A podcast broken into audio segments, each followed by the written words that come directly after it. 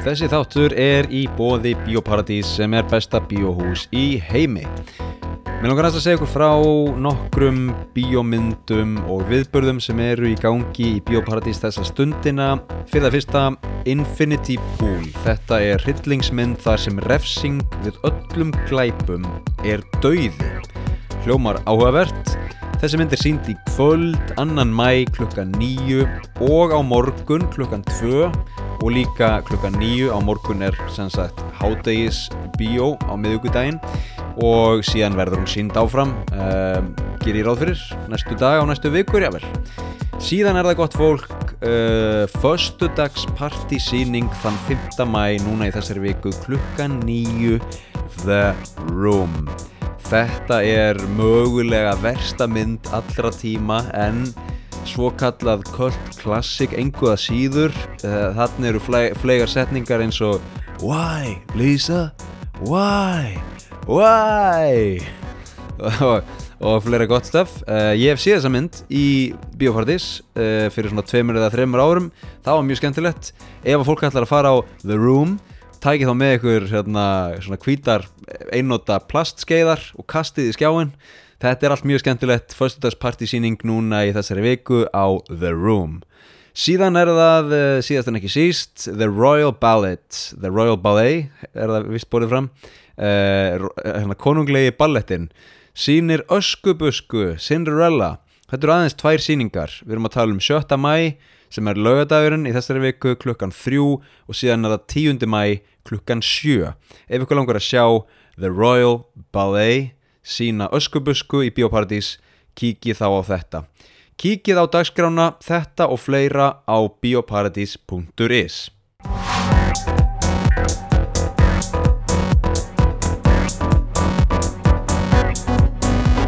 Gott fólk, verið velkominn í þátt númer 81 Þetta er hlaðvarpið heimsendir sem hilsar frá Tókjó og um, glöggir á hlustendur, áheyrendur, heyra kannski að ég er rámur. ég, sko, hérna, ég er búin að vera veikur. Um, ég fór ekki í COVID-próf, þannig að þetta er ekki COVID, við ætlum ekki að segja neitt þannig, sko, við ætlum ekki að Við ætlum ekki að ganga út frá því að þetta sé COVID en það er COVID búið og, og mögulega var aldrei neitt COVID, það er annar mál. Nei, nei, ég segi svona Nei, nei, ég, hérna, ég er búin að vera einn heima og ég er búin að vera veikur og, og hérna, ég er nú ekki búin að vera með óráði, ég held allavega ekki. Um, en ég er svona, ég er búin að vera velta alls konar hlutum fyrir mér og, og hérna, hugsa endur skoða lífið og tilveruna og svona. Um, Í þessum þætti langar mig að fjalla um sko vinnu og hvað hvað þetta orð þýðir. Uh, mér langar að fjalla um mína vinnu, hvernig mín vinna er hvar fæ ég pening hvar fæ ég ekki pening? Fyrir hvaða vinnu fæ ég greitt fyrir hvaða vinnu fæ ég ekki greitt? Hvernig er að vinna í Tókjó hvernig er að vinna í Japan? Hvernig er að vinna árið 2023 uh, hvernig verður að vinna árið 2123 þegar ég verð 130 ára. Um, skoðum þetta á fleira í þættinum. Og síðan ætla ég líka að vera með uh, auglýsingu vikunar fastu dagskráliður ég ætla að vera með nokkra punkta. Og síðan ætla ég að taka sko annan fastan dagskrálið sem, sem er samt að fara að vera í fyrsta skipti núna í, í þessum þætti. Það er heimsenda hornið ég ætla að skoða hverjar eru helstu hættur mannkins þessa stundina. Þetta er svona, svona hlaðarpið heimsendir fjallar um uh, heimsenda klukkuna. Er klukkan vantar hana 30 sekundur í miðnætti þið vitið? Eða, eða eru við kannski bara í, klukkan 6 er, er kannski bara 6 klukkutímar eftir? Eða byrjum við það er náttúrulega klukkan er 6 tvísvar á sólurning þannig að það skiptir ekki máli. Hérna um, þetta er svona. Byrjum á því að staðsetja okkur. Sko, það er vor í Tókjó um, sem er skrítið það er svona bæði komin smá raki sem er náttúrulega ömulegur ég, ég get ekki raka. Ég get ekkert minna en að vera í sokkum og að vera í striðaskom og ég vil síðbuksum og vera sveittur á tánum vera sveittur á hnjánum vera sveittur einhvern veginn allstaðar um, þetta er sama syndrom á Íslandi. Hér er sko mjög heitt úti rakt úti. Síðan kemur inn í lest og þá er, þá er sko asið þá er hérna, loftkælingin á fullu og þá er of heitt. Þannig að það er of, nei of kallt fyrir ekki við. Þá er of heitt úti og of kallt inni. Þetta er öfugt á Íslandi. Ef maður er til dæmis eins og ég að hérna, hlaupa í strætó um vetur á Íslandi þá er sko kallt úti þannig að maður er í dúnulpu þið veitir, jável með húfu og vettlinga svo kemur inn í strætó þar er strætóbílstjórin sitjandi og stuttumaból búin að hækka upp í miðstöðinni alveg sko bara í sánu og, og þú veist hvað, maður að fara úr öllum fötunum eða þetta, þetta er ég vil bara hafa allstaðar jæmt hitastig, ég vil ekki þú veist, ég vil ekki þurfa að klæða mig í eða klæða mig úr eftir því hvar ég er uh, helst myndi ég vilja vera bara í einhverjum svona futuristic svona framtíðar galla uh, ég vil eitthvað svona nanotengt þar sem að sko fötin myndu bara aðlagast 100% umhverfinu til að halda mér alltaf bara í, í góðum stofuhita einhvern veginn. Uh, kannski eftir nokkur ár, sjáum til. Elon Musk Elon Musk ef að þú ert að hlusta endilega kíkt á þetta Uh, annars er bara fínt hérna í Tókjá við erum að detta inn í Golden Week gullvikuna. Uh, fólk talar um að það sé svona einn helsta frívikan hérna í Japan. Uh, ég veit ekki hvað frí er. Ég, veginn, ég er ekkert mjög góður að taka mér frí. Um, og við komum kannski nánar inn á það í, í, í þættinum en það fjallar hann um vinnu Um, já, síðan er bara maður alltaf að æfa hérna, Pride and Prejudice, Hroki og Hleypidómar. Það er Mr. Darcy sem, sem ég leik og, og hérna ég leifi nú að heyra leifi nú að, leifi nú að heyra ykkur. Ég leifi ykkur nú að heyra eitthvað meira frá því þegar við erum búin að frumsýna. Um, kannski er ég með óráði, ég veit það ekki. Já, hættum að, hættum að bulla og förum í aðal málefni dagsins sem er vinna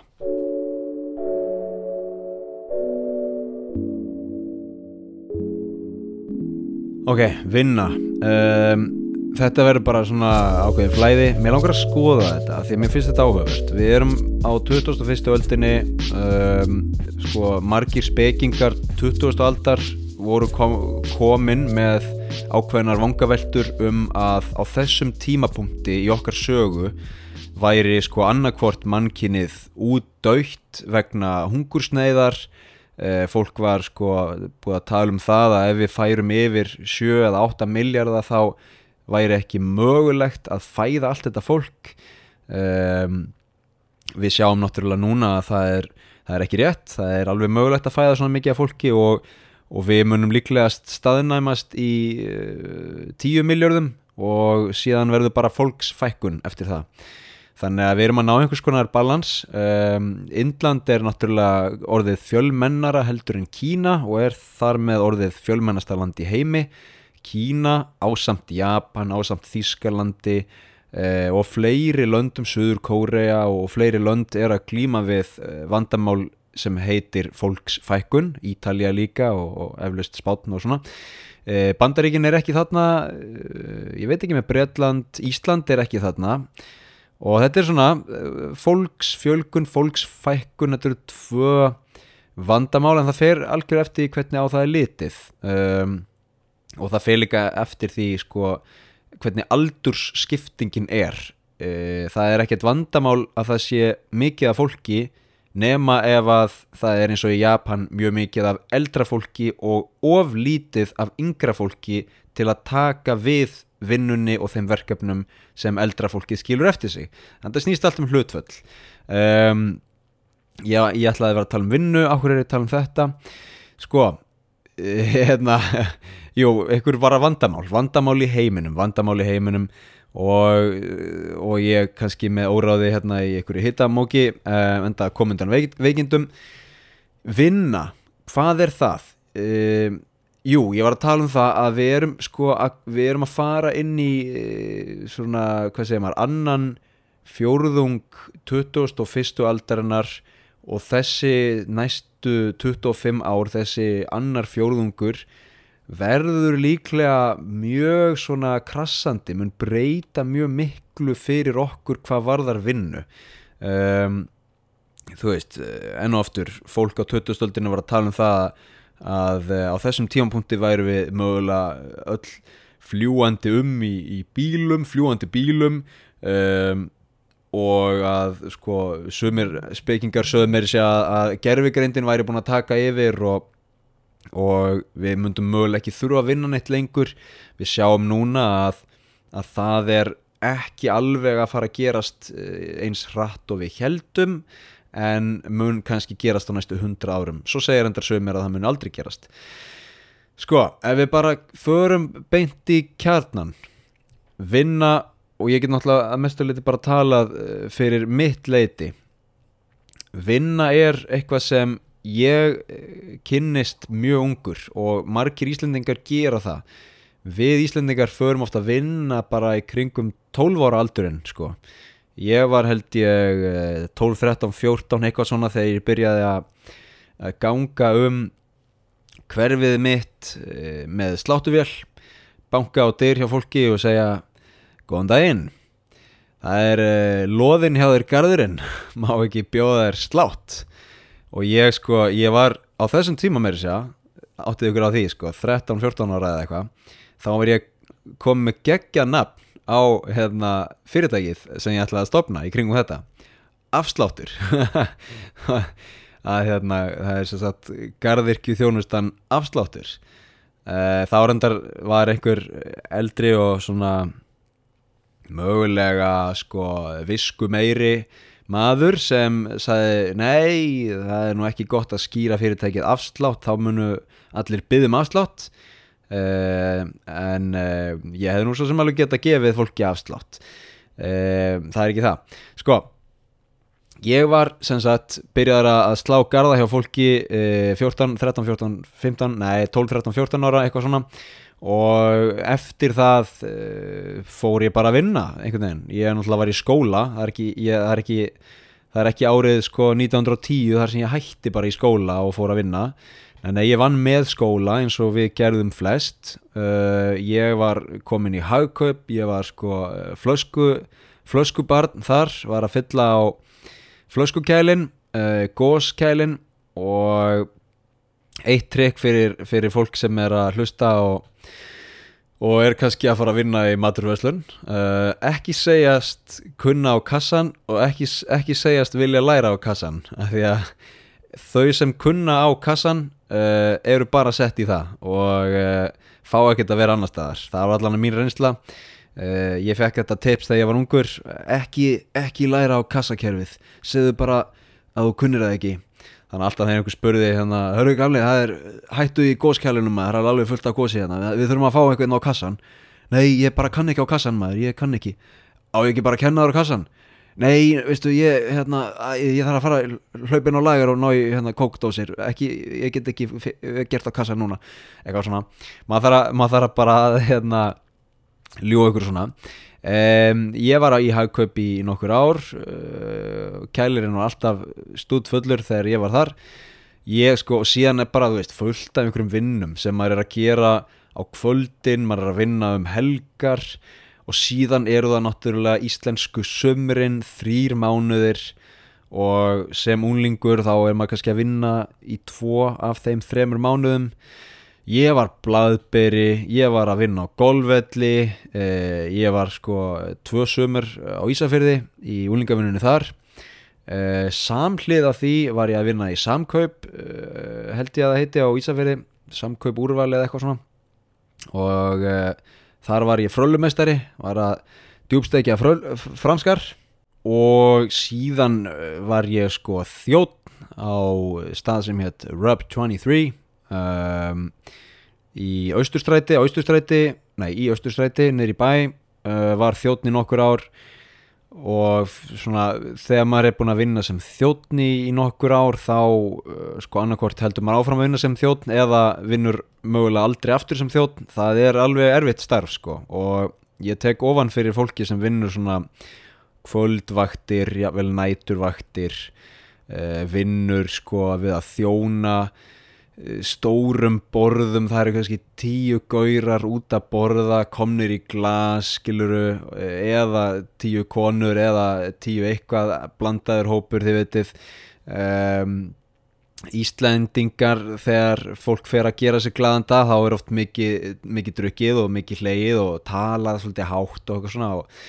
og ég man sko þegar maður var þjótt þá var maður bara alveg kófsveittur í einhverju svartri skirtu með svundu náttúrulega penna og skrifblokk í svundunni og var að taka pantanir og síðan kannski klikkað eitthvað og maður tók vittlösa pöntun og kjötið átt að vera medium rare en ekki medium eða eitthvað og þið veit, þetta er svona þetta er stressandi starf sérstaklega fyrir uh, mentskæling ég var hérna í nokkur ári sem þjótt um, og bara fleira þið veit, maður er sem íslendingur ef maður er búin að vinna þegar maður er kannski að útskrifa til mentaskóla þá er maður búin að vinna kannski 5, 10, 15 störf. Og allt er þetta reynsla og dýrmætt reynsla og, og hjálpar manni sérstaklega að átta sig á því hvað maður vil gera í framtíðinni. Ég man þegar ég kom í skiptinám hérna til Japans 18 ára gamall og spurði bekkjafélagan mína í mentaskólanum já, já, hvað sé ég er þau búin að vera uh, steikja franskar? Nei nú, hvað hérna voru að vinna á gólvelli? Nei uh, góðskælir, hvað Nei, byrju, hvað voru þau þá að vinna? Já, við unnum bara ekki neitt Ha? Unnuðu ekki neitt? Nei, við höfum aldrei unnið og byrju hva, hva, hvaðan fáið þið pening bara frá fóröldrum okkar ha, en þið eru átjónar og gömul okkur vinnið þið ekki já það er náttúrulega skólinn bannar það. Ha, bannar mentaskólinn ykkur að vinna? Já, uh, það er hérna bara bannað að vinna. Merkilegt. Uh, og svona verður það. Það sem sagt mátti ekki vinna í mentaskóla í Japan. Eflust eru einhverjir mentaskólar til í Japan þar sem má vinna. En ég man þetta sjálfur uh, og ég var í þessum sama skóla og mér var bannað að vinna sem mér fannst mjög skrítið.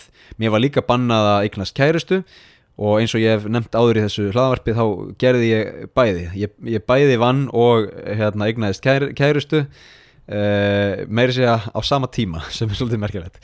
En hérna, það er unnursaga þannig að þetta er svona Íslendingar kannski og fleiri náttúrulega þjóðir en, en Íslandika sérstaklega búa við þau fóréttindi að fá að kynnast uh, mörgum mismunandi tegundum vinnu frá unga aldri.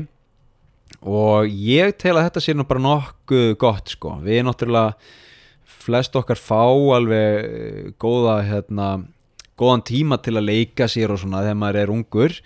Uh, en samhliða því að vinna nokkrar vinnur og, og kynnast ímsum störfum, það hjálpar manni þegar maður er orðin ég veit ekki, tvítur eða, eða nálgast 25 ára og þarf svona eitthvað aðeins að fara að pæla ok, hvað ætla ég að gera í framtíðin hvað ætla ég, hvað ætla ég nú að fara að leggja fyrir mig? Um, sko, sumir er alveg 100% búin að ákveða bara, ég ætla að vera þetta ég ætla að gera þetta ég ætla að vera læknir eða eitthvað svona en eh, aðrir eru ekki svo hefnir að vera búin að ákveða það og það er allt í lagi og það er held ég svona kannski ekki eðlulegra en það er örgulega algengara að fólk sé svolítið óákveðið með þetta. Og þá er gott að vera með kerfins á Íslandi þar sem maður getur leift sér að að prófa ímislegt sko ef að fólk allar að fara í háskóla þá er til dæmis háskóli Íslands frekar uh, ódýr með að við marga aðra skóla erlendis og þannig að það er, svona, það er hægt að skrási eitthvað nám, prófa það í hálft ár skipta svo. Þetta er ekkit hægt til dæmis í bandaríkunum en það er allavega, það er allavega ekki, ekki mælt með því held ég að því að eh, skólagjöldin þar eru náttúrulega heiminn há. Ef maður er, er að fara í eitthvað annað nám eða öðruvísi nám eða yðnnám eða eitthvað þannig eða bara ætlar ekki að fara í uh, háskóla þá hefur maður líka tækifæri til að svona prófa eitthvað, prófa sig áfram vinna hérna aðeins, fara í svo kallar gap year prófa að vera sjálfbóðalið á kúpu eða eitthvað svona eins og ég var í Costa Rica. Um, þetta er annað sem er ekkert svona endilega ja, vel, vel séð hérna í Japan. Í Japan er mögulega hálft ár, eitt ár sem fólk hefur eftir mentaskóla aðeins til að finna sig og síðan er það bara eh, háskóli og svo aftur mögulega hálft ár til eitt ár eftir háskóla. Og síðan er það bara career. Starfsframi, starfsferill eh, fólk fer mögulega inn í fyrirtæki milli stórt eða stórt fyrirtæki og sest þar að. Og ef að fólk er skiluru í kringum þrítugt að fara í þessi starfsviðtöl þá er mjög líklegt að, að eh, fólk sko fyrirtækja eigandur eða fólk sem er að ráða fólk í vinnu hérna í Japan spurji viðkomandi byrju, hvað ertu búin að vera að gera í fimm ár? Áhverju ertu ekki, áhverju ertu að koma þetta viðtal núna? Þrítugur? Áhverju ertu ekki að koma hérna beint úr háskóla? Já, ég var nú bara í uh, heimsreisu og ég hérna, er búin að ferðast um heiminn og ég er búin að læra að tala spænsku og svo bjó ég á Tælandi í eitt og hálft ár og, og kynntist þar uh, uh, matargerð og lærið að, lærið að elda og, og, hérna, og svo fór ég til Ástrali og lærið að surfa og svona þannig að ég er bara búin að læra ímislegt já það, það, er ekki það, þetta er ekki kostir sem við Uh, sem við getum kunnað að meta hérna. Þú hefur nú betur komið bara beint til okkar og, og, og lært af okkur já en, en, en ég er nú alltalandi og spænsku og, og hérna, þekki vel til Thailands ef ef að það hjálpar eitthvað. Nei það hjálpar ekki neitt. Þannig að uh, ég hugsa að við verðum bara hafnaðir því meður um, hérna þetta er ekki sannsögulegt samtal en um, mögulega eru sögum starfsviðtölun eitthvað í þessa átt maður hefur heyrta að, að hérna þú veist, svona utan ramma reynsla eh, svona eitthvað sem er ekki hefðbundið er ekki álitið mjög gott í Japan. Fólk vil frekar fá bara uh, sko nýtt starfsfólk beint úr háskóla alveg ferst beint inn í fyrirtækið beint í þjálfunarbúðir og bara svolítið mótað eftir fyrirfram ákveðinu hugmynd fyrirtækisins. Mögulega er þetta úrelt skoðun um, ég veit það ekki en um, og, og vonandi, vonandi fer þetta eitthvað að breytast en þetta er svona svolítið í, í Japan. Þannig að við erum búin að segja sett átt okkur á því að það er uh, það er mjög mismunandi hvernig fólk elst upp og umgengst vinnu á Íslandi annars vegar og í Japan hins vegar. Uh, mér finnst á Íslandi að þetta er svona vinna er bara eitthvað sem allir gera og það er svona veist, það er ekkert það er ekkert, uh, það er ekkert sko það er ekkert betra að vera í förstu starfi eða hlutastarfi eða vera í einu 100% starfi eða tveimur 50% störfum. Veist, þetta er bara sömur eru 9-5 aðrir er eitthvað að frílansa hér og þar verkefnatengt og það er bara ekkert betra eða verra en annað. En í Japan svona allavega hinn hefðbundna skoðun er líklega svo að 9-5 eða reyndar í Japan er það meira svona 8 til 8 eða eitthvað um, og bara jakkafata klætt fólk og uh, þið veitir svona, svona hérna hvað segir maður? Um, um, fyrir sjáanleiki fyrir sjáanleiki er svolítið stemmingin sko og að fólk sé bara svolítið kannski ekki eins en ekki öðruvísi þau veitir, það allir séu svolítið að fitta í sama mót. Og ég menna þú veist þetta gerir það náttúrulega verkum að, að, að kerfið hérna fungerar eins og smörðvél og þetta er smörðvél uh, það fylgja allir sömu reglum og gildum og viðmiðum. Þess vegna er ekki sko uh, þess vegna eru lestirnar á réttum tíma og þess vegna Eh, sko er fólk ekkert að verða undir í einhverjum tróðningi þrátt fyrir að það séu 38 miljónir í þessari borg.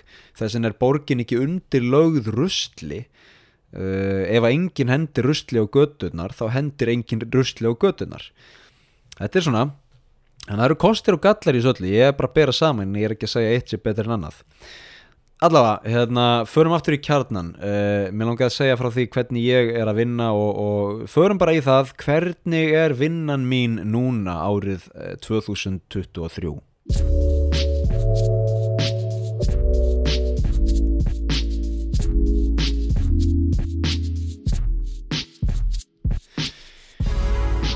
Sko, fó, fólk spyr mér oft við hvað vinnur og ég segi uh, ég vinn til helminga annars vegar sem leikari og hins vegar sem uh, frílansari í ýmsum verkefnum svona sérstaklega tengdri stafrætni markasetningu annars vegar og uh, hugbúnaða gerð hins vegar. Síðan kemur oft sko spurningin hva, hvaðan koma peningarnir? Einhvern veginn og um, þá er það svona öllu jafna setni hermingurinn sem er að borga sérstaklega í Japan. En, um, en það er uh, við skulum kafa dýbra, skoðum þetta. Förum fyrst í, í fyrri 50% sko, ég er leikari ég er mentaður leikari úr Listaháskóla Íslands og bý í Tókjó hér í Tókjó eru á blaði svona, ég veit ekki 20.000 leikarar. Um, og sko leikarlífið í Tókjó virka þannig að maður sem uh, erlendur maður eða uh, útlendur leikari kemur inn í bransa sem er sko yðandi af lífi rosalega mikið af tækifærum en rosalega mikið af fólki sem reynir að berjast um þessi tækifæri. Og þá þarf maður svolítið að zooma út og reyna að finna sko, bestu leiðina inn. Og einn góð leið er að skrá sig hjá svona mótelskrifstofum umbóðskrifstofum og það eru örgulega 100-200 slíkar skrifstofur í Tókjó um, og langt flestir leikarar sem er á skrá eru á skrá hjá fleiri en einni skrifstofu. Ég til að mynda er á skrá hjá fjórum umbóðskrifstofum og sko þetta virkar þannig í Tókjó að það er bara eitthvað verkefni. Segjum bara að Toyota sé að leita sér að e, útlendu pari. Bara segjum bara strákur og stelpa þið veitir og þá er skrifstofa X köllum hana, skrifstofa X fengin í það að leita að þessu pari. Þau eru með á skrá 100 eh, stráka og 100 stelpur. Og aldursbilið fyrir þetta par á að vera segjum 20 til 40 ára. Og á skrá eh, passa við þessa lýsingu 35 gaurar og 35 stelpur. Þannig að þá er sendt út 70 e-mailar 70 tölvupóstar á þessa 35 stráka og 35 stelpur. Spurt, hei, hérna Toyota er með verkefni. Verkefni verður líklega í næsta mánuði um, og pröfan fyrir verkefnið verður í næstu viku. Launin eru þetta mikil og uh, nótgunartímin er eitt ár, eitthvað svona. Og maður fær svona e-mail og hugsa sig um, ok, byrju næsta mánuði, þessi laun uh, þetta er þetta fyrirtæki og nótkunin er svona lengi. Já, já, þetta hljómar alveg vel. Og þá segir maður já, sendir hann post og, og mynd með nýlega sjálfu með. Og þetta er svona smá vesen, maður þarf alltaf að vera að taka selfies maður þarf alltaf að vera að taka selfies eitthvað svona og ef að fólk hefur tekið selfies þá veit það það það er ekkert mjög auðvelt að ná góðri sjálfu sko. það er eiginlega frekar erfitt um, maður er kannski nývaknaður eða hárið er eitthvað skrítið eða ég er kannski órakaður eða eitthvað svona og þú veist, ég vil ekki vera að senda það þannig að þá kannski sendi ég eitthvað mynd sem er svona góð og ég nota hana bara í hálft ári að vel, sömu myndina sem er allt í lagi eða svona svo lengi sem maður er ekki að breytast á mikið. Og ef maður kemst í gegnum fyrstu síu sem er þessi myndasíja þá er maður bóðaður í pröfu um, ef að þessi skrifstofa er að senda 35 e-maila á stráka og 35 e-maila á stelpur þá getur við kannski ímyndað okkur að 10 strákar og 10 stelpur séu valin í pröfu. Þetta er bara ein skrifstofa. Ok? Það eru kannski 20 aðra skrifstofur með sama verkefni í höndunum sem senda líka 35 e-maila á stráka og 35 e-maila á stelpur og, og þið veitir og um, og síðan komast 10 í gegn og 10 í gegn og þetta þýðir að það séu kannski 200 strákar að fara í pröfu og 200 stelpur að fara í pröfu þannig að kannski 400 manns að fara í pröfu fyrir eina auðlýsingu sem er einn tökudagur. Ok? Þannig að þegar á hólminni komið ef að ég kemst í genum þessa síu þá mæti ég í pröfu og það tekur oft klukkutíma í lest að fara í pröfu og þanga kem ég og þar eru hundrað gaurar. Og þeir eru allir sætir og flottir og myndarleir og þið veitir allir kandidatar í þessu auðlýsingu og ég er bara ok það er sko tölfræðilega bara 1% líkur á að ég fái þetta verkefni. Uh, en áframgak upp og áfram og þá þá maður líka að fara að hugsa ok, hvernig get ég látið ljósmynd skína, hvernig get ég reynd að uh, vera öðruvísi en allir aðrir? Og það er náttúrulega gott að vera frá Íslandi þá getur maður verið, þú veist, annarkvæmt með skrítin reym eða þú veist, og það vekur aðtikli að vera eitthvað svona yes, I am from Iceland I am uh, I am a, I am a guy from Iceland. I love hiking and outdoors and camping you know. Uh, I also like fishing og eitthvað svona. Og fólk er, ah, wow, wow, ok uh, hefur þú séð jökla maður já, já, já, ég hef séð jökla og svona. Um, allavega, hérna það er svo þið, við, sko, þið áttið ykkur ekki á því hvað er skrítið að vera einn í Tókjó uh, mögulega sko, með hýta og svona einhvern veginn í óráði að spjalla bara við mikrofón. En ég er að spjalla við ykkur og þeir eru að hlusta. Takk fyrir það. Um, það sem ég er að reyna að segja er að það er mikil samkefni hérna og eina leginn til að komast í gennum síuna til að komast í gennum svona pröfur er að vera öðruvísi, er að vera skemmtilegur fyndin, smá klikkaður jável eh, ef að fólk spyr mig eitthvað svona áttuður eitthvað leindan hæfileika, þá segir ég bara eh, já, ég ætla að sína ykkur hérna. Og stend á höndum og fólk er eitthvað wow, þú getur bara staðið á höndum on demand. Já, já, það er ekkit mál. Um, og ég hef búin að fara í tvær svona pröfur í þessari viku og uh, gekk mjög vel í báðum pröfunum og einmitt bara þetta, ég reyndi að vera bara eitthvað öðruvísi, aðeins uh, léttur og skemmtilegur og uh, vonandi gengur það upp um, þetta er svona uh, stæsti hluti leikaravinnunar hérna í Japan, það er bara að fara í svona pröfur, svara svona tölvupostum senda myndir, taka sjálfur allt þetta. Maður þarf vist að vera döglegur á Instagram og eitthvað svona, ég er ekki alveg náðu döglegur þar sem ég held að sé reynda bara mjög gott. Um, og þá mögulega fær maður eitthvað verkefni og ég er alveg búin að fá nokkur verkefni hérna, nokkrar auðlýsingar og, og smá svona sjónvarpsgig um, en þetta er samt bara stöðugt hark og af þessum 20.000 leikurum í Tókjó þá er ekki allir læriðir uh, stundum skiptir að máli, stundum skiptir að engum máli. Stundum er fólk bara að leita eftir útliti stundum er fólk að leita eftir uh, aðeins meiri svona leikrænum hæfileikum og þá skila námið sér vissulega.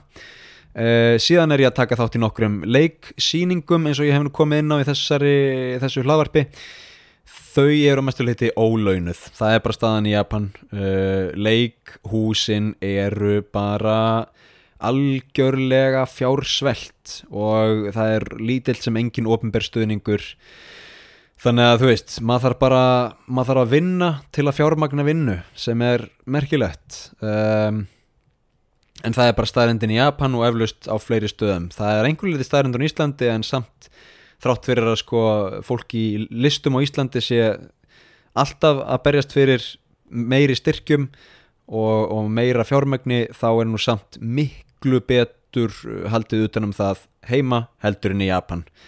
Ég segi nú ekki meira. Um, síðan er það hinn hluti, minn, hinn hluti minnar vinnu sem er að frílansa uh, á netinu. Þetta eru bara verkefni sem ég fæ gennum tölvuna. Um, ég þarf ekki að fara djúft út í það en þetta er svona uh, þetta er bara remote vinna sem ég vinn get unnið á einhverju leiti á frjálsum tíma uh, og hvar sem er, hvaðan sem er. Þannig að ég fer á svona share office hérna í Tókjó, leiði skrifstofu og reyna að fara kannski 2-3 daga vikunar og ná einhverju smá vinnu þar. Og þetta er svona vinnan sem er að borga fyrir hina vinnuna, þið veitir um, auðvitað ger ég þetta hlaðvarp og það er einhver stöðningur þar og sérstaklega á Patreon frá kæru áskrifundunum mínum þar það er stöðningur sem er ómetanlegur um, en eins og leikhúsið sem er ólaunað þar þarf ég bara að borga fyrir það sjálfur og ég þarf bara að borga fyrir lestina sjálfur og borga fyrir matinn sjálfur og, uh, og þykk engin laun fyrir það. Og þannig er það nú bara. Þannig að þetta er algjör ástriðu, ástriðu þetta er algjört ástriðu projekt að vera að leika í leikhúsi í Japan um, og enn og aftur þú veist, það er alveg seldir meðar og ég hef verið í síningu þar sem var uppselt nánast allar síningar en um, ekki nóg til að greiða starfsfólkinu laun. Uh, það er bara það er bara staðan sko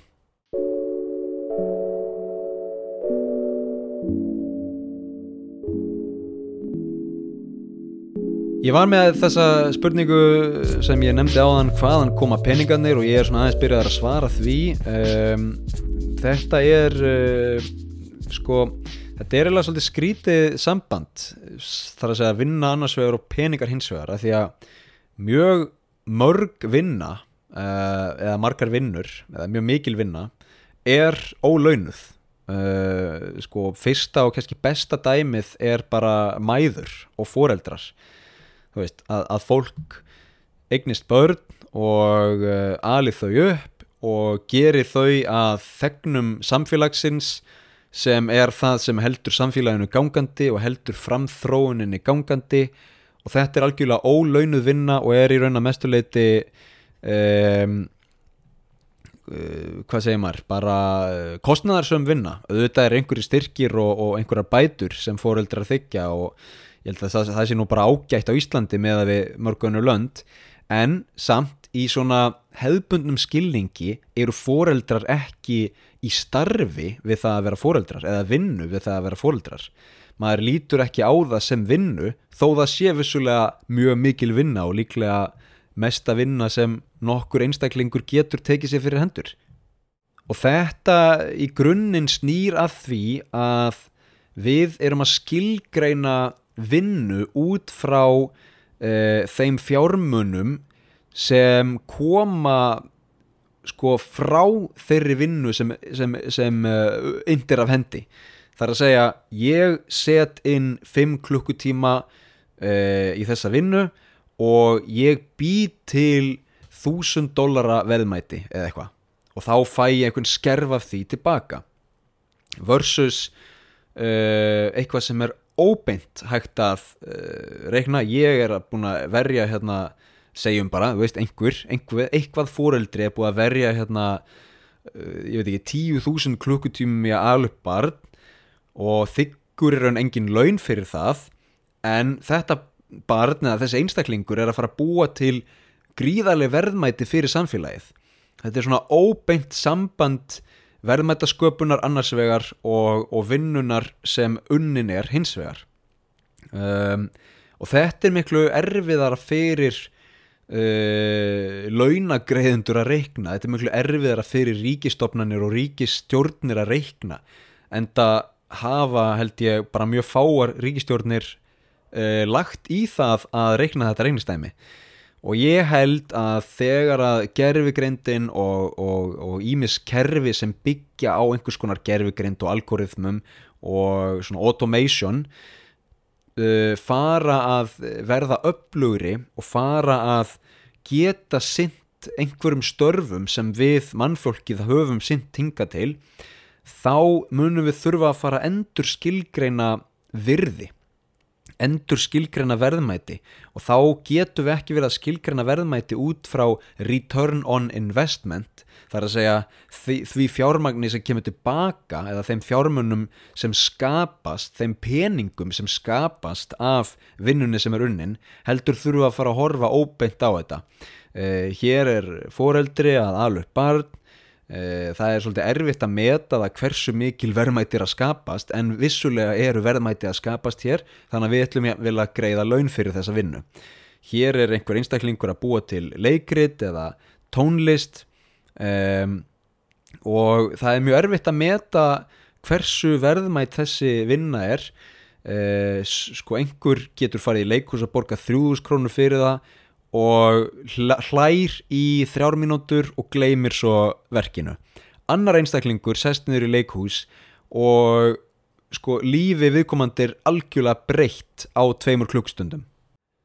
Það er að segja, það er alveg dæmum það að, að fólk fari að sjá eitthvað í leikhúsi eða fari á tónleika eða, eða innbyrði hverskins list og eitt augnablík breytir lífi þess og, og gera það verkum að, að mig langar að verða þetta eða þarna tók ég ákverðunum að, að hérna, gera sjálfbóðaliði eða eitthvað skilur við það getur algjörlega breytt algjör, algjörlega breytt heimsín fólks og, og haft langvarandi áhrif í gegnum æfina Þannig að við erum annars vegar með einstakling sem hlæri nokkra mínútur, skemmti sér smá í leikhúsi og annan sem, eh, sem sko hvers líf gjörsanlega breytist.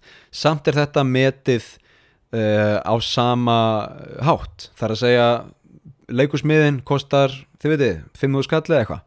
Þannig að 5.000 skall kaupir uh, hlátur og 5.000 skall kaupir líka uh, upplifun sem gjörsamlega breytir lífiðinu þannig að þetta er svona þessi áviða það er svolítið erfitt að meta uh, þessa hluti til fjár. Þess vegna segir maður líka þetta verður ekki metið til fjár. Um, og ég hugsa í framhaldinu þegar gerfugreindin og allt það er mætt á svæðið þá þurfum við aðeins að fara að skoða þetta nánar. Hvernig getum við verðlaunað fólki fyrir vinnu sem það er að vinna og, og hvernig getum við metið verðmætin sem svo vinna skapar uh, af, því að, af því að það er ekki bara einfalt reiknistæmi svo er önnur vinna sem uh, greiðir ekki peninga ekki nema óbeint þið veitir, sparar kannski peninga frekar. Það er til dæmis sjálfsvinna. Uh, sum sjálfsvinna sparar endur ekki peninga sum sjálfsvinna er mjög dýr. En uh, mér langar að segja ykkur frá uh, morgunrútínu sem ég er búin að byggja upp Uh, nú, erum við, nú, erum við, nú erum við komin í svona hlaðvarpsfræðin, þið veitir uh, Podcast University. Uh, mörg hlöð Sigur Hlöðversson. Mörg hlaðvörp fjalla einmitt um þetta svona fimm ráð inn í daginn. Morgunrútínan. Við skulum ekki festast í klísjum en mér langar að segja ykkur frá morgunrútínunni minni og þetta er ekkert hver, þetta er ekkert hvern morgun. Þetta er kannski tvo daga í viku þrjá ef ég er heppin ég vakna fæ mér eh, kaffibotla á fastandi maga. Uh, ég veit ekki okkur mér finnst það mjög næs. Mér finnst mjög næs að drekka kaffi á fastandi maga. Um, síðan fæ ég mér vatn bara nóga vatni. Og ég fer út að hlaupa. Uh, út að skokka sérstaklega ef það er sól og eh, hérna í Japan ef það er sko komið sumar og sól þá er maður einhvern veginn bara að bera ofan og bara eh, sveittur í sólinni að hlaupa. Síðan kemur tilbaka, fæ mig meira vatn fer út í garð, tek jóka.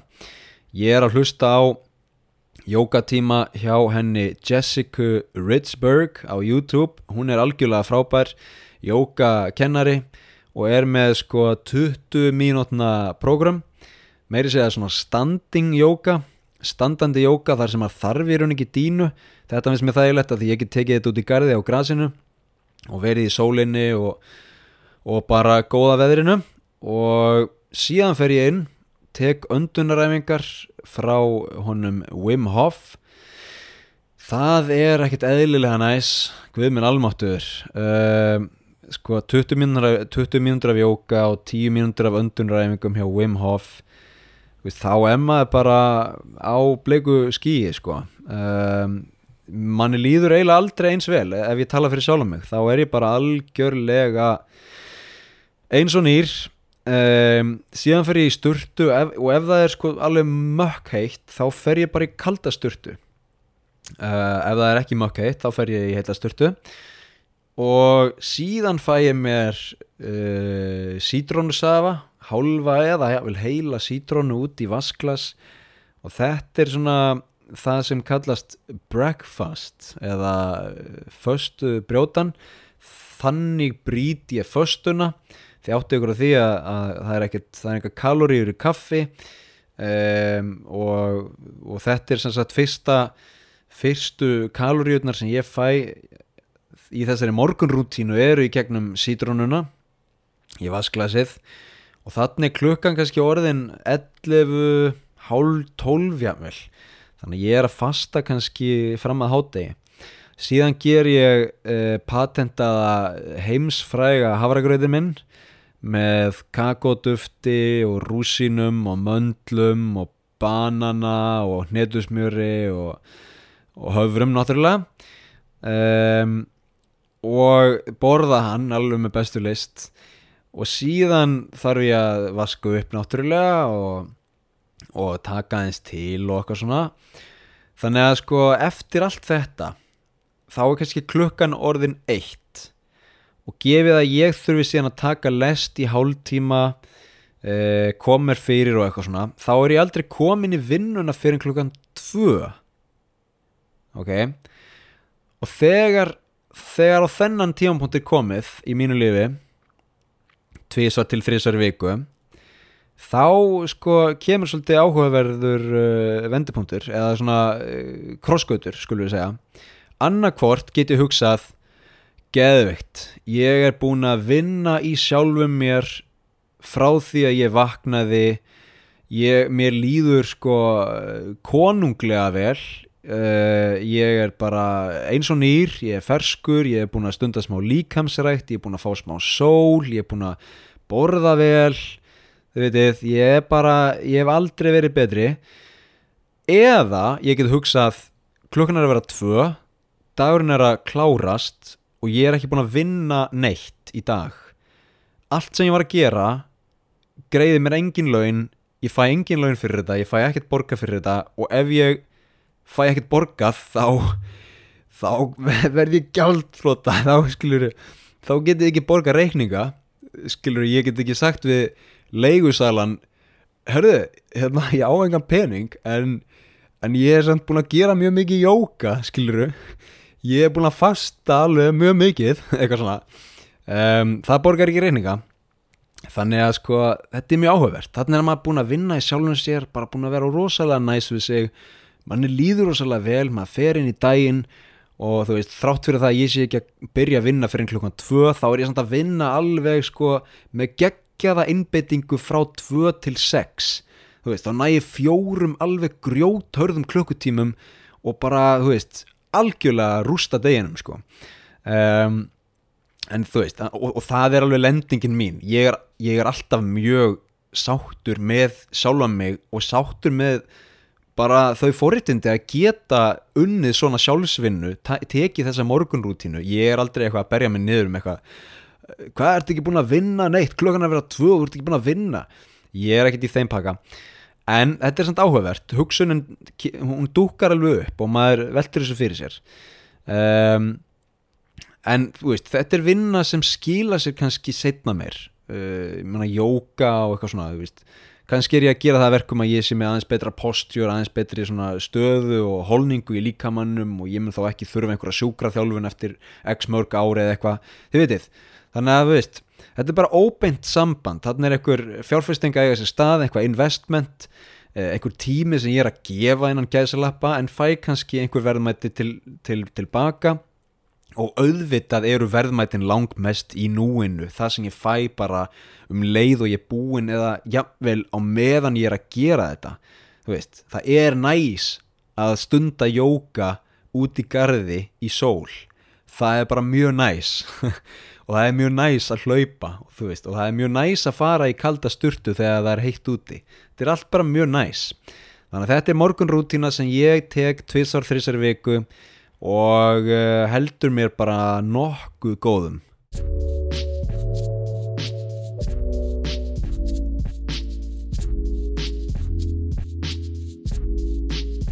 Jæja, ég, ég held að ég sé búin að tala alveg nóg um vinnu sko uh, þetta var náttúrulega algjört bara flæði og, og stemming og ég vona að þið hafið haft gaman af þessu.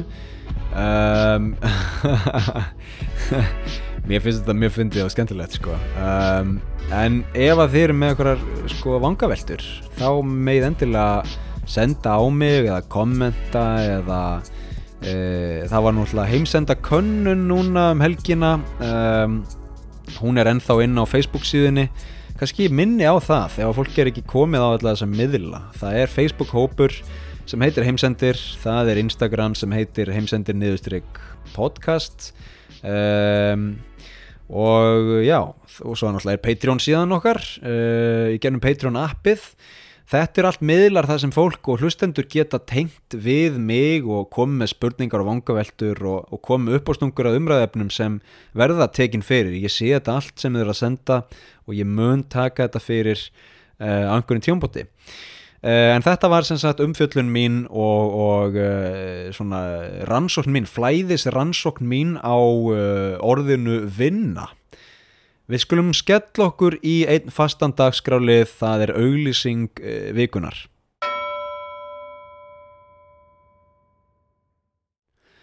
Þetta er í raun auglýsingar vikunar. Um, mér finnst alltaf gaman að skoða japanskar auglýsingar. Auðvitað er sjón sögur ríkari og ef að fólk vil skoða þetta þá er þetta að skrifa bara á YouTube uh, Japanese Commercials 2023.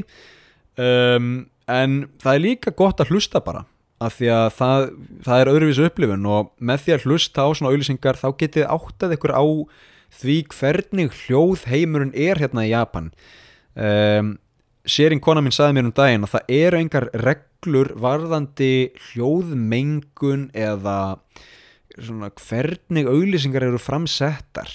Um, maður er kannski að lappa neyri sépuja og það eru bara auðlýsingar það er bara að vera að blasta auglýsingum úr kallkerfi hér, hátölurum þar þú veist það er engar reglur um þetta. Um, ég held að í Evrópu, ég held á Íslandi séu reglur bara, herru það má ekki vera að blasta bara hverju sem er, hvar sem er veitir, það eru ákveðinir staðir þar sem má auglýsa og ákveðinir tímar þar sem má auglýsa en á öðrum tímum og öðrum stöðum þar er það bara ekki leifilegt en hérna í Japan verðist þetta vera bara viltavestrið og fólk Eh, nýtir tækifærið og býr til sko svona flassi, háværar smellandi, poppandi, sprengjandi auglýsingar, allt til að reyna að ná aðtikli og þetta hefur búið til þennan sérstakar hljóðheim sem við tengjum við Japan um, skellum okkur og beint í þetta ég ætla að spila nokkrar auglýsingar fyrir ykkur þetta eru stuttar auglýsingar fyrsta auglýsingin er Sleikjó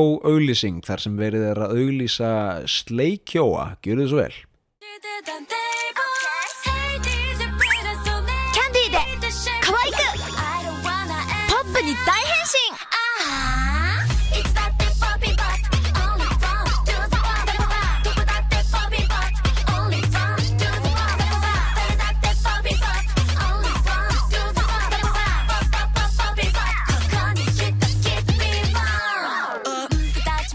どれにするポップキャンディー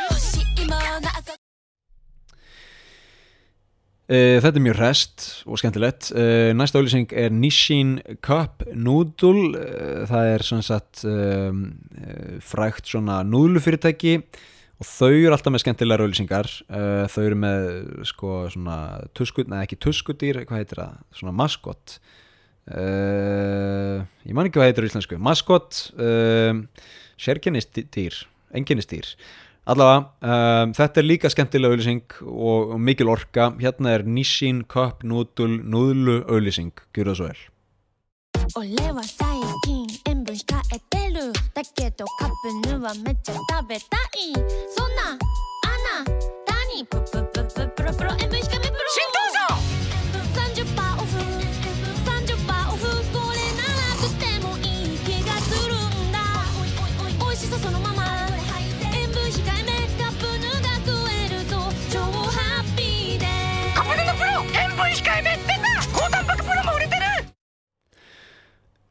Síðan kemur eitt sem ég finnst mjög skemmtilegt uh, orkudrykkur, ég ma- man ekki hvað hann heitir. Það er verið að auðlýsa orkudrykk. Sko oftast þegar það er verið að auðlýsa orkudrykk í Japan þá sér maður jakkafattaklætan gaur af því það eru bara gaurar sem vinna í Japan uh, haldandi á skjálatösku og taka svona skot. Bara þessir orkudrykkir eru pínu litlir. Bara þú veist, ég veit ekki, 100 millilitrar eða eitthvað taka skot orkudrykk og bara yes, ég, nú, er ég, ég tilbúin að vinna með, nú get ég unnið í tíu klukkutíma í viðbót. Og svo hleypur hann af stað og eldingar eh, þú veist, eh, út úr hérna skilur bakinu eða eitthvað og hann er bara beint á skrifstofana og bara drrrr, dritar á tölvuna. Eh, þessi orkudrykkur er aðeins öðruvísi. Hann ávist að veita þér hugrekki til að segja stelpu að þú fílir hana.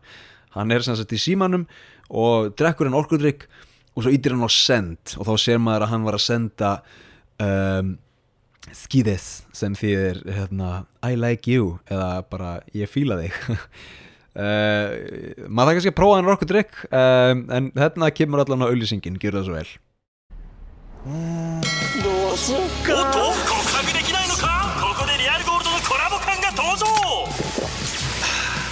届けゴグッとハマるマスで元気注入 Síðan er það gott fólk, McDonalds, það er uh, hambúrgarastæðurinn góði sem er að auðlýsa nýjan kjúklingaburger. Um, nema hvað að í stað þess að vera með brauð uh, að ofan og neðan þá er uh, búið að þjapa hrísgrjónum saman í svona pönnuköku og steikja á báðum hliðum. Þannig að basically er þetta kjúklingaborgari með steiktum hrísgrjónum kjúlingabörgar eða kjúlingabuffi og stektum hrískronum undir. Ég hef ekki smakað þetta en þetta er mjög vinsælt í Japan. Ég held þetta sé ekki gott en þið veitir hérna er allan á ölsingin, gjur það svo vel. Hontoni, hontoni, nami, janai baga Gohan tatta Yuzukaoru, oroshimu Gohan tatta, ore wa ku!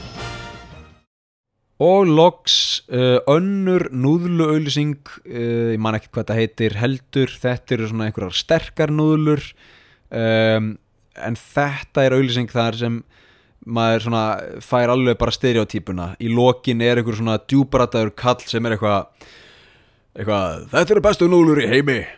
Fáið okkur þær og þið verðið sterk. Uh, segir eitthvað álíka á japansku en en hérna mikil orka og mikil gleði í þessari auðlýsingu og hver veit, kannski fær maður sér bara núðlur eftir að hafa séð þetta. Gjör það svo vel, núðlauðlýsing nummið tvö.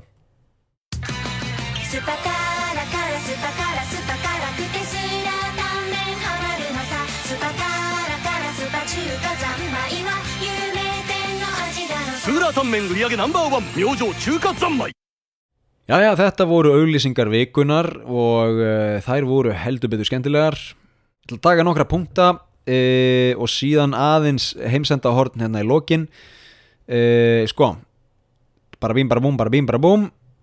Fyrsti punktur, COVID Update 2023 um, Það er ennþá allir með grímu. Ég veit ekki hvort ég sé hræstnari að vera eitthvað að tala um að COVID sé búið og verandi kvefaður. En ég er ekki með COVID. Ég er bara að veita ég er bara hérna ég er búin að ákveða það. Nei nei, hérna uh, ég segi ekkert af við á með þetta. Það eru bara ennþá allir með grímur, það er bara staðreind um, ég hugsa nú að þetta fari að, að þær fara að fjúka sérstaklega með hækkandi rakastigi og hittastigi Ég verð samt að benda á það, mér finnst smá varhugavert að gangfræði skóla nemar og mentaskóla krakkar eru með grímu eh, kannski þriðja fjóruða árið í röð veist. Og það voru, það voru viðtölum daginn í japansku sjónvarpi þar sem þessir krakkar, ungt fólk var spurt Jæja, nú er sem sagt búið að eh, fjarlæga meðmæl eða sko tilmælin um að fólk skuli vera með grímu. Ætlar þú að fjarlæga grímuna? Og þau sögðu flest uh, nei.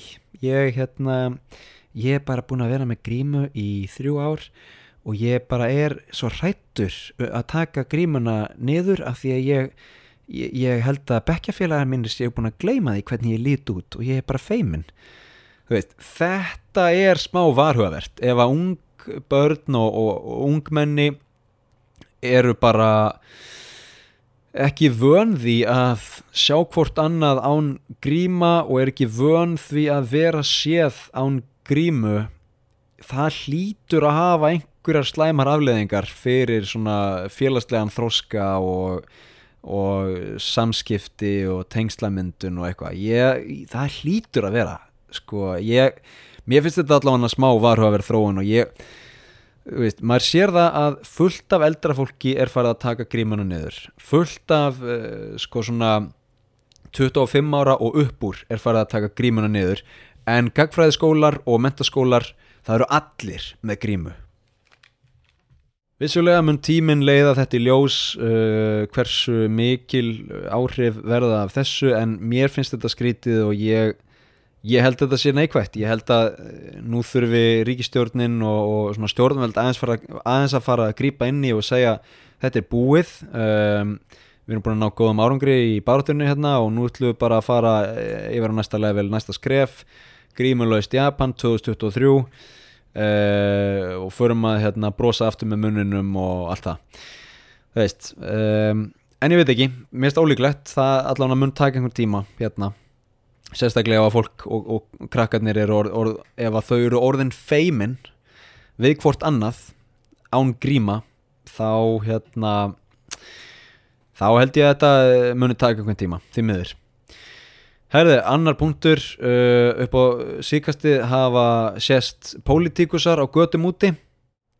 Það er sem sagt það var, uh, það var það voru kostningar fyrir nokkrum dögum held ég bara og ég er náttúrulega ekki með kostningarétt hérna í Japan þannig að ég var ekkert að skipta mig mikið af þessu en, en uh, þetta er basically þannig að pólitíkusar eða fólk sem er í frambóði er á göduhotni með gjallarhotn eh, kannski með 2-3 starfsmenn í kringum sig sem eru enginnisklætt í svona vesti. Eh, segjum bara sem svo að ég sé hérna stjórnmálamæðurinn Stefan Þór liturinn minn er fjólublár þá er ég í fjólubláu vesti og, og starffólki mitt í fjólubláum vestum. Ég er með gjallarhótt og ég er að hérna, öskra eitthvað en bóðskap á gangandi vegfærandur og starffólki í kringum er kannski að dreifa út bæklingum og eitthvað svona. Annar option er að vera með lítinn sendiferðabíl vera með gjallarhótt á toppinum og ja, vel svona skildi, auðlýsingaskildi keira um gödurnar og bá svona hérna, kostningalofurðum uh, á gangandi vegfærandur uh, sem þú ert að keira fram hjá þetta er svona almenna leiðin fyrir stjórnmálafólk í Japan að vekja aðtegla á sér. Veist, það er ekkert verið að kosta einhverjar Instagram herrferðir eða eitthvað hannig fólki er bara út á götu. Og þetta finnst mér skemmtilegt. Þetta finnst mér flott sko. Að pólitíkusar bara síni sig, síni sitt rétta andlit hérna út á götum um, og bara taki slægin skilur þetta finnst mér skemmtilegt og það væri áhugavert að sjá hvernig þetta væri á Ísland, Íslandi ef þetta væri svona, geti ímyndað ykkur ef, að, ef, að, ef við nefnum bara nöfn, hérna Bjarni Benediktsson væri til dæmis í frambóði fyrir eh, eitthvað endurkjöru eða eitthvað svona og, og hérna og stæði á Ingólstorki með gjallarhorn og tæki bara Kæru Íslandingar Bjarni heiti ég Benediktsson og er stjórnmálumæður. Það er oft talað um sjálfstæði en við höfum gengið skrefinu lengra og skýrt heilan stjórnmálaflokk eftir því sjálfstæðisflokkurinn er flokkurinn þinn, komdu, verdu með, fríarpulsur fyrir alla. Geti ímyndið ykkur ef þetta væri staðan um, Ég menna það væri væri það ekki bara stemming eða þú veist auðvitað eru hérna, stjórnmála stjórnmálafólk á Íslandi heldur opna ræður og austurvelli og svona en, en þá er kannski búið að sapna saman nokkur hundru manns og eitthvað svona, það, er ekki eins persónlegt hérna er þetta bara, þú ert bara að lappa fram hjá viðkomandi á götunni sem er kannski með tíu manna áherd eða eitthvað.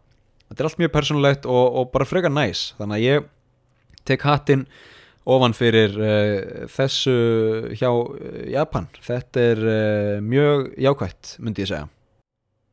Síðasti punkturinn í dag er stuttur og laggóður.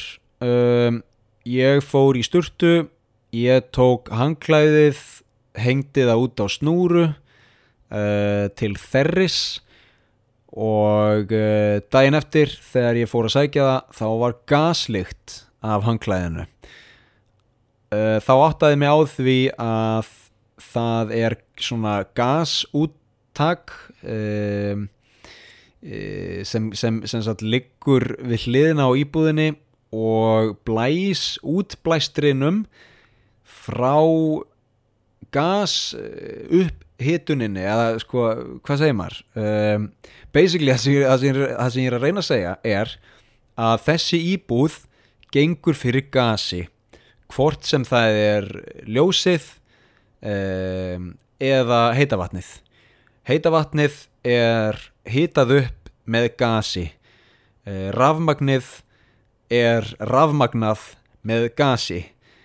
Og þegar maður til dæmis kveikir á heita vatninu af því að það er ekki alltaf kveikt á því maður þarf að kveikja á því og býði smá stund þá fer í gang einhver maskína sem blæs út blæstri af gasbrennslunni beint út í garð beint þar sem ég hengdi hanglaðið mitt síðast og mun líklega ekki hengja það aftur.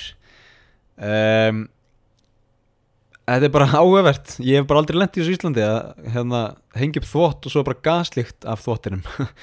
Uh, Líklega ekki mjög gott þegar maður er að þurka á sér andlitið með hérna, gösuðu hangklæði þannig að ég þarf að finna einhvern nýjan stað á snúrunni fyrir hangklæðin en þetta er svona uh, Þetta er bara orðið nokkuð gott hjá okkur en ég ætla ekki að fara á bak við fara á bak orða minna.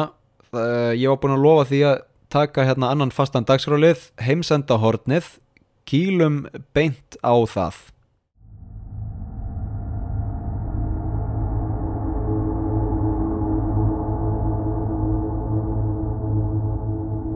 Þetta er í fyrsta sinn sem heims, heimsenda hornið uh, er hérna í heimsendi heimsendi, heimsenda. Sko því ég náttúrulega takið eftir því að ég er ekki ég er ekki 100% í dag. Ég er svona 73% í dag. Um, en þetta er svona hérna, ok, sko, heimsenda hornið hverjar eru helstu hættur mannkins þessa stundina?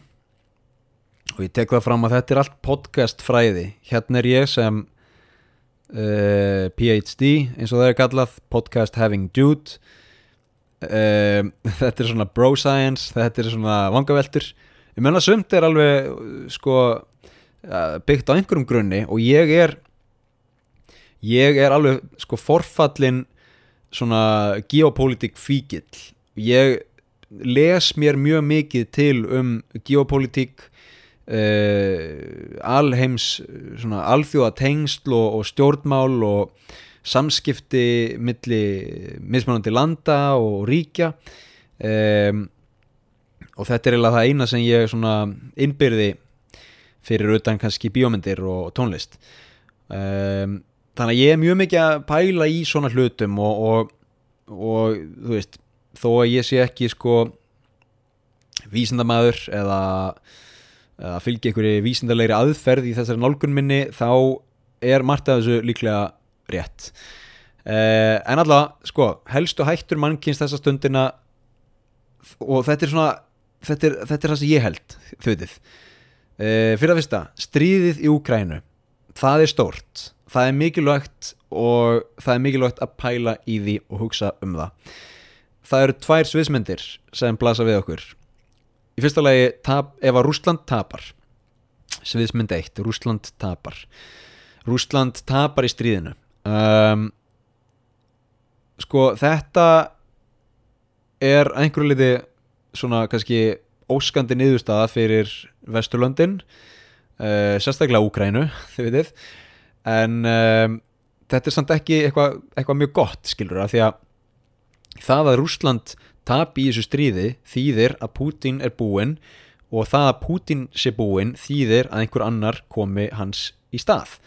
Um, hvort að viðkomandi verði betri eða verri er óvíst en það mun allavega skapa einhverja óreiðu og einhverja ólgu og mögulega verður svo ólga svo mikil að Rússland eins og við þekkjum það í dag leysist upp mögulega í mismunandi líðveldi mögulega munu einhver af austur héruðum Rússlands lýsa yfir sjálfstæði leita annað með, með hérna, sín viðskipti og, og, og sambönd.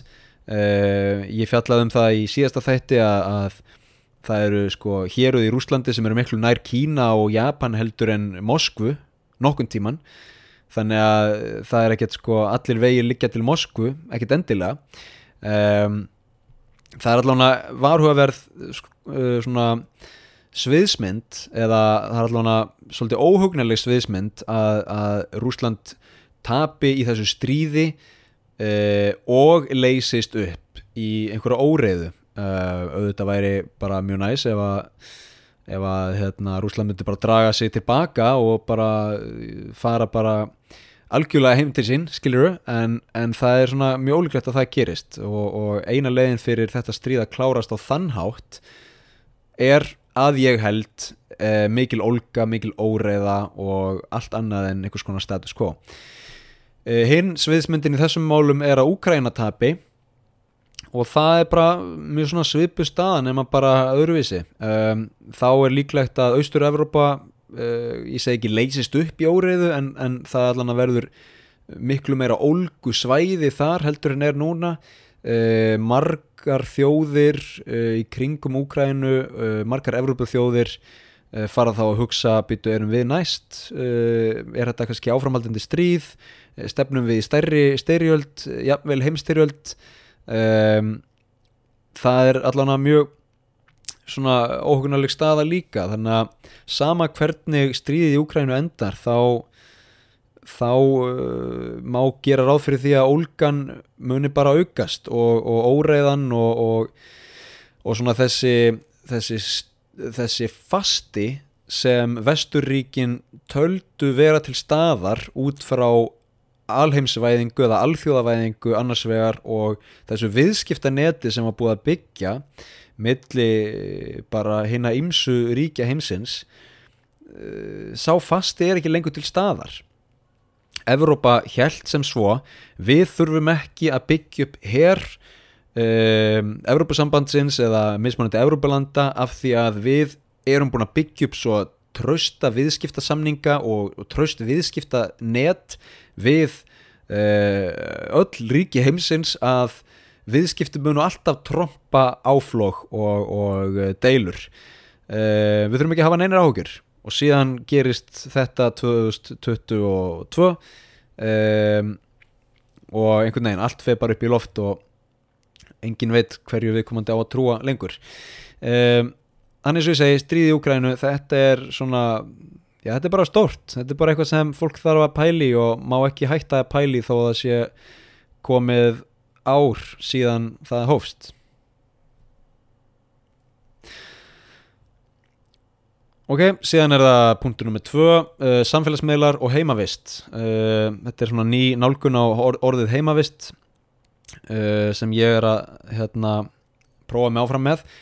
Sko, samfélagsmiðlar eru tól djöfulsins, vil ég meina. ég meina auðvitað eru samfélagsmiðlar mjög góðir líka að einhverju leiti. Það er að segja uh, möguleikar fólks til að tengjast uh, heimshorna á milli möguleikar fólks til að tala við fjölskyldumæli með hinnum en og hettinum uh, þetta er allt mjög ákvætt en við meðum ekki glemma því að sko fjarskipti og, og fjarsamskipti fjarsam töl uh, ég veit ekki hvað þetta heitir. Þið veitir Zoom og allt þetta dót það er ekkit samfélagsmiðlar ekkit, ekkit í þeim skilningi og podcast og hlaðvörp eru það ekki heldur þannig að við getum alveg verið að Eh, við getum alveg verið að tala saman í genum þetta podcast þrátt fyrir að, að samfélagsmiðlar væri ekki til. Um, en mér finnst samfélagsmiðlar að mörguleiti mjög varhugaverðir. Mér finnst þeir sérstaklega varhugaverðir þegar kemur á ungu fólki sem er að verja allt of miklum tíma á samfélagsmiðlum og allt of litlum tíma í raunheimum. Uh, raunveruleg samskipti einstaklinga á milli.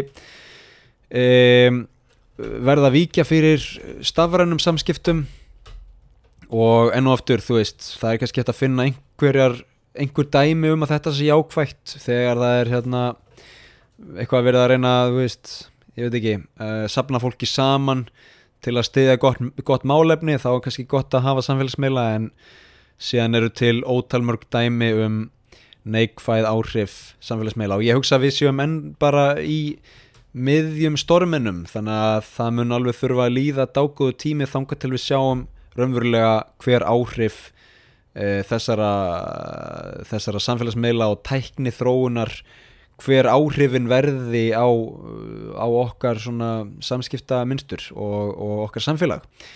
Mér finnst eitt gott dæmi um þetta vera það að fólk er bara mjög mikið heima hjá sér.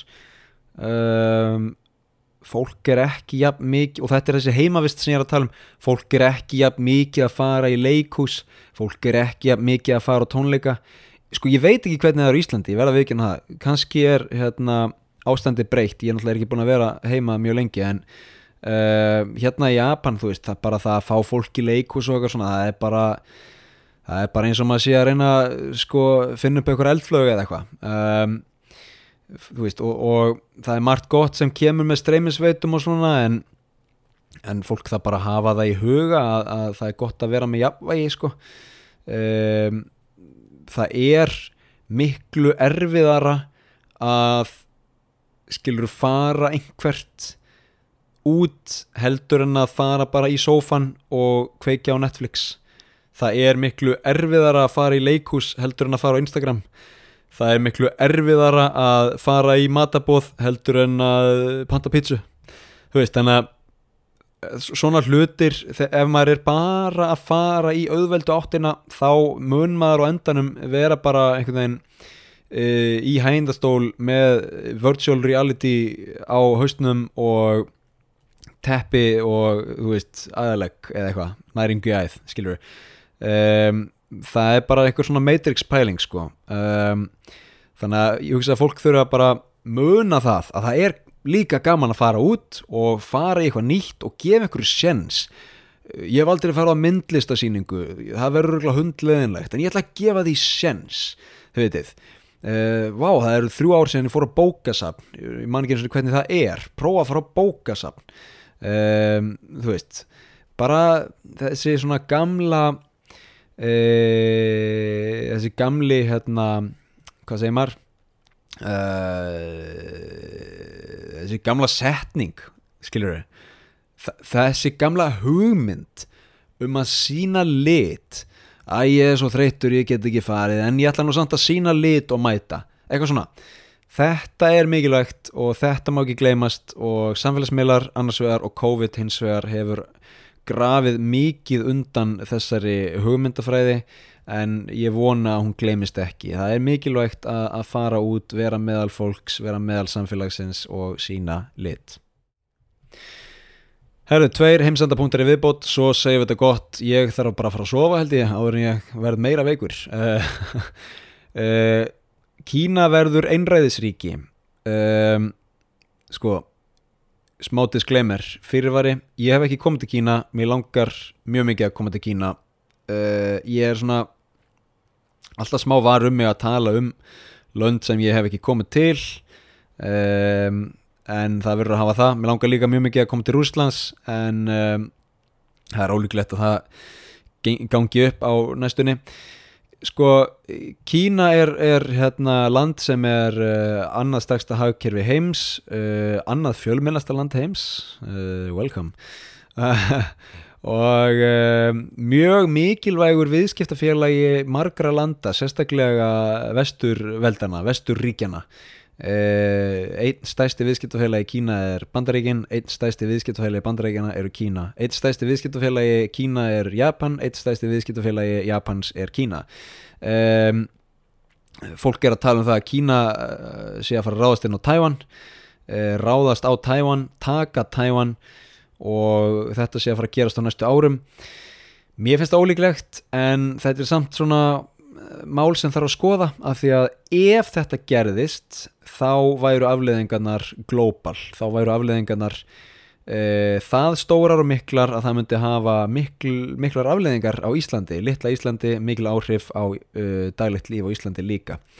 Þessi sviðsmynd að e, Kína ráðist inn í Tæwan mundi í stuttumáli líklega bara vera byrjunin á þriðju heimstyrjöldinni um, sko aðrir greinendur myndu segja að, að, að þetta væri miklu líklegra sko líklegar bara eitthvað skonar Asíustríð eða Suðaustur Asíustríð. Uh, það er að segja miklu meira svona regional konflikt heldur en eitthvað, eitthvað heimstyrjöld. En maður er samt fljótur að leggja saman 2 og 2 og, og 3 og 3 og 4 og 4 Uh, ef að Kína myndi ráðast inn í Tævan þá myndi það líklega draga Japan, Suður Kóru, Filipseyjar og auðvitað Bandaríkin inn í það stríð. Um, Japan uh, myndi mögulega hérna, koma Tævan til varnar, uh, Suður Kórea líka og Bandaríkin mjög líklega líka. Nú eru Bandaríkin komin með fjórar herstöðar í Filipseyjum mjög nálagt Tævan og hernaðilegt samband Bandaríkin á Filipseyja annars vegar og Philipseyja og Japan hins vegar er bara að aukast þannig að þetta er svona, við erum að koma með eitthvað svona bandaríkja blokk um, austanmegin og, og sunnanmegin og, og suðaustanmegin við uh, Taiwan annars vegar og svo erum við með Kína hinumegin og, og þetta er kannski regional conflict en uh, gæti mögulega dreift úr sér. Ástralja er þarna líka í nákvæminu og er líklega uh, hluti af þessari sviðsmynd. Og síðan er spurning hvað Indland myndi gera. Indland uh, er oft svona að spila báðar hliðar og er svolítið snjált í því. Uh, Indland er náttúrulega í landamæradeilum við Kína í Kasmír og, og Tíbet eða, eða sagt, við landamærin þar. Og bara áhugavert að veltaði fyrir sig hvað myndi gerast hvort að Indland myndi nýta tækifærið og, og hérna stökka til eða, eða ekki sko. Um, en þetta er svona eitthvað sem fólk þarf að hafa í huga að, eh, að þetta þróunin í Kína hefur verið svo að, að, að það er að svona eh, fjarlægast að einhverju leiti uh, stöðuna sem það var í fyrir kannski 10-15 árum og aðeins meiri einræðist tilburðir eru til staðar. Og ef að þessir einræðist tilburðir uh, fara að halla á viðskipta sambandið uh, fara að mála upp þá mynd að uh, hernaðar uh, aðgerðir í Tævan séu mikilvægari en viðskiptasamböndin þá, þá er það orðið mjög varhugaverð staða. Og síðast en ekki síst nattræn hlínun það er gamal gamal, hvað sem er gömul tugga eða svona rótgróin frasi. Eða sko því miður þá er bara nattræn hlínun að einhverju leiti um, svona svolítið grafin og glemt undir um, stríðin í Úkræðinu og, og öðru, bara öðrum málefnum þið vitið. Þetta er ekki svona ja, mikil æsifréttamennska eða þetta er allavega ekki ja, sko, hvað segir maður, þetta er ekki ja, svona krassandi fréttir sem er að koma frá sem er að koma varðandi nattræna hlínun eins og var fyrir tveimur, þreimur árum. Vandamálið er samt ekki úr sögunni en um, málið er bara að, uh, nattræn hlínun er eitthvað sem mun hafa mjög slæmar afleðingar eða mjög slæm áhrif á okkar líf á 100 til 200 til 300 árum. Á meðan að stríð í Úkrænu uh, stríðmyndli Kína og Tævans um, þú veist möguleg svona regional styrjöld eða jafnvel heimstyrjöld þetta er eitthvað sem myndi hafa uh, bara mjög sko uh, hvað segir maður svona acute áhrif. Það myndi, það myndi gerast miklu hraðar heldur en nattrann hlínun þannig að samanborið við nattrann hlínun þá eru það stærri vandamál eða allavega svona meira áriðandi vandamál akkurat þessa stundina og þess vegna til ég að nattrann hlínun sem Vá sé svona aðeins meira uh, aðeins neðar á fréttasíðunum eins og við segjum. Um, en þetta er allt vandamál sem og hættur sem uh, mannkynnið þarf að vera meðvitað um og eflust eru fleiri hættur sem ég er að gleyma á þessum lista en þetta er svona stutt umfjöllunum um mögulega heimsenda hérna í heimsenda horninu við tökum þetta fyrir uh, einhver tíman á, á, í næstu þáttum Já, ég er gott fólk, ég held að þetta hafi verið bara lengsti uh, eintals þáttur sem ég hef nokkuð tíman tekið upp. Og ég vona ennáttur að þið hafið haft gaman af um, insýn í líf mitt hérna í Tókjó uh, nokkrar skoðanir um vinnu og síðan uh, nokkrar skoðanir og vangaveltur um, um svona heimsenda sviðsmyndir sem er alltaf gaman og svona uh, létt og skemmtilegt efni til að tala um. Um, ég minni á Patreon uh, ef að fólk hefur gaman af þessu hlaðvarpi og vill styðja við bakið á þessu endilega náið í Patreon appið og skráið ykkur, það hjálpar mér það gerir svo mikið fyrir þetta hlaðvarp það gerir svo mikið fyrir mig. Um, þau sem eru skráð nú þegar takk kæla fyrir stuðningin enn og aftur. Um, ég bara ég ætla ekki að segja að ég væri hættur þessu uh, ef ekki væri fyrir ykkur en þið vitið. Uh, það að þið séu að styðja mig er mér mjög mikils veriði um, og þetta er líka bara spilarinn í umræðefni dagsins þið vitið, uh, hvers virði er vinna? Á maður að vinna mikið launalaust eða eða er svona eðlilegt að borga fyrir afþreyingu eða þjónustu sumum finnst það eðlilegt, öðrum finnst það kannski ekki jafn eðlilegt. En uh, þetta eru svona spurningar sem við þurfum að velta fyrir okkur á komandi árum af því að það er mjög líklegt að við þurfum á næstu árum eða áratugum að endur skilgrina virði, verðmæti uh, verðmæta keðjuna, verðmæta sköpun. Þið veitir það er ekki bara hérna, bankafærslur annars vegar eða, eða einhver hugbúnagerð eða, eða rá, ráfuru framleiðsla sem, sem skapar virði. Það eru líka svona félagslegir þættir og, og listrænir þættir sem skapa virði hvort sem það er beint eða óbeint. Eh, Takk fyrir að hlusta á þessa langlóku eh, og, og ég bara bið ykkur öll eh, um að eiga indislega daga og indislegar nætur. Takk fyrir að hlusta og við heyrumst í næsta þætti